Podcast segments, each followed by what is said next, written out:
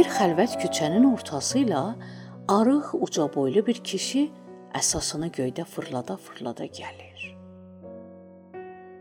Onun əsası ilə birlikdə güldanı börkünün qırmızı qotası və yırtıq yamaqlı uzun arxalığının ətəkləri də toğlanır. O yaxınlaşdıqca yoğun səsi aydın qulağa çatır. Mənəm Bəhluli danəndə, mənəm Bəhluli divanə, mənəm. Yoldan ötən piyadaların kimisi dayanıb heyrət içində ona tamaşa edir. Kimisi də onun eybəcər görkəmindən qorxa-qorxa divar dibinə süzülüb, gözün ondan götürmədən sürətli addımlarla ondan uzaqlaşır. Bəhlul heç bir kəsə təvəccüh etmədən yoluna davam edir. O an çəliyini yerə döyə-döyə ona yaxınlaşan bir qoca kör kişi birdən Bəhlulun gözünə sataşır.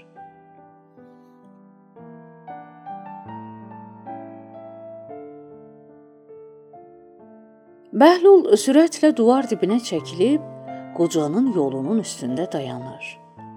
Kor ona yaxınlaşarkən Bəhlul tez cibindən bir qızıl sikkə çıxarıb ucadan səslənir. Ay gözdü qardaş, Allah sənə kömək eləsin. Al bu sikkəni bir bax gör, doğrudan da sikkədir ya yox?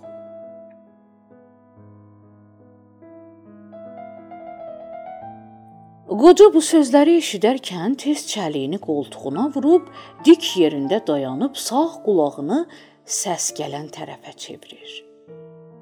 Bəhlul bu əməli qocadan görən kimi yenə sözlərini təkrarlayır. Ay gözdü qardaş, Allah səni gün işığına həsrət qoymasın. Al mənim bu sikkəmi bir yoxla, qoy lap arxayın olum. Kör hər iki əlini qabağa tərəf uzaldıb Səsə tərəf yaxınlaşanda Bəhlul fورən əlini uzaldıb onun əlini tutur və sikkəni onun ovucuna qoyub dayanır. Qoca sikkəni iki barmağının arasında sürtüb yoxladıqda ürəyi güp-güp döyünməyə başlayır. Axı o sikkə tanımaqda heç zaman yanılmamışdı. Qoca fürsəti foto vermək istəmədən tez iki addım dalı çəkilib səssiz divar dibinə yaxınlaşmaq istəyir. Bunu görən Bəhlul onu səsləyir. Ay gözdü qardaş, mənim sikkəm necə sikkədir? Bəs nədən danışmırsan? Kör qoca bir neçə addımda səssiz arxaya çəkilib divar dibinə qısılır. Yenə Bəhlul: Ay gözdü qardaş, bəs nədən cavab verməyirsən? Bir də görüm sikkəm necə sikkədir axı?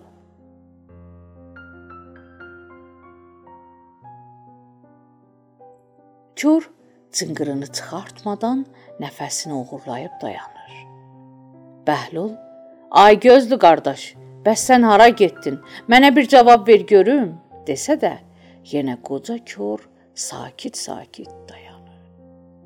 Bu dönə Bəhlul onu hədələyib, "Ay gözdü qardaş, mənim sikkəmi verməsən, bax daş atacağam ha" deyə-deyə yerdən bir daş götürüb qocaya yaxınlaşır və daşı onun böyründən vurub dayanır.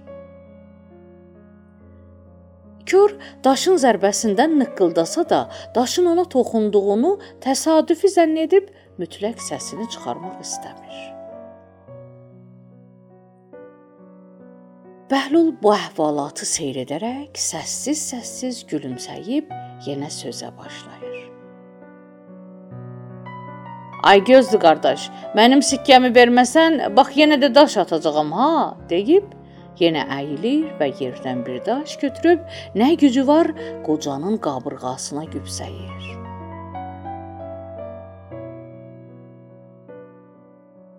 Kör daşın zərbəsindən eyvay deyib tez səsini kəsirsə də, ancaq bu dönə daşın ona toxunduğundan heyrətlənib biraz fikrə gedir.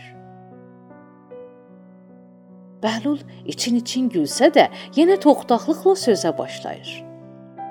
Ay gözdü qardaş, İkicə daş atmışam, bilmirəm sənə dəyib yoxsa yox. Bunu bilmirəm. Ancaq sənə deyirəm, mənim sikkəmi verməsən, yenə daş atacağam ha, deyib yenə yerdən bir daş götürür. Üçüncü daş korun qabırğasına dəydikdə o daha dözənməyib, "Eyvay nənə, eyvay" deyə-deyə dili açılır. Gəl ay qardaş, gəl, gəl öldüm. Gəl al sikkəni. Vallah sənin atışın kör atışına bənzəmir. Ay qardaş, gəl al sikkəni. Məni niyə öldürürsən? deyib sikkəni Bəhlula uzaldır.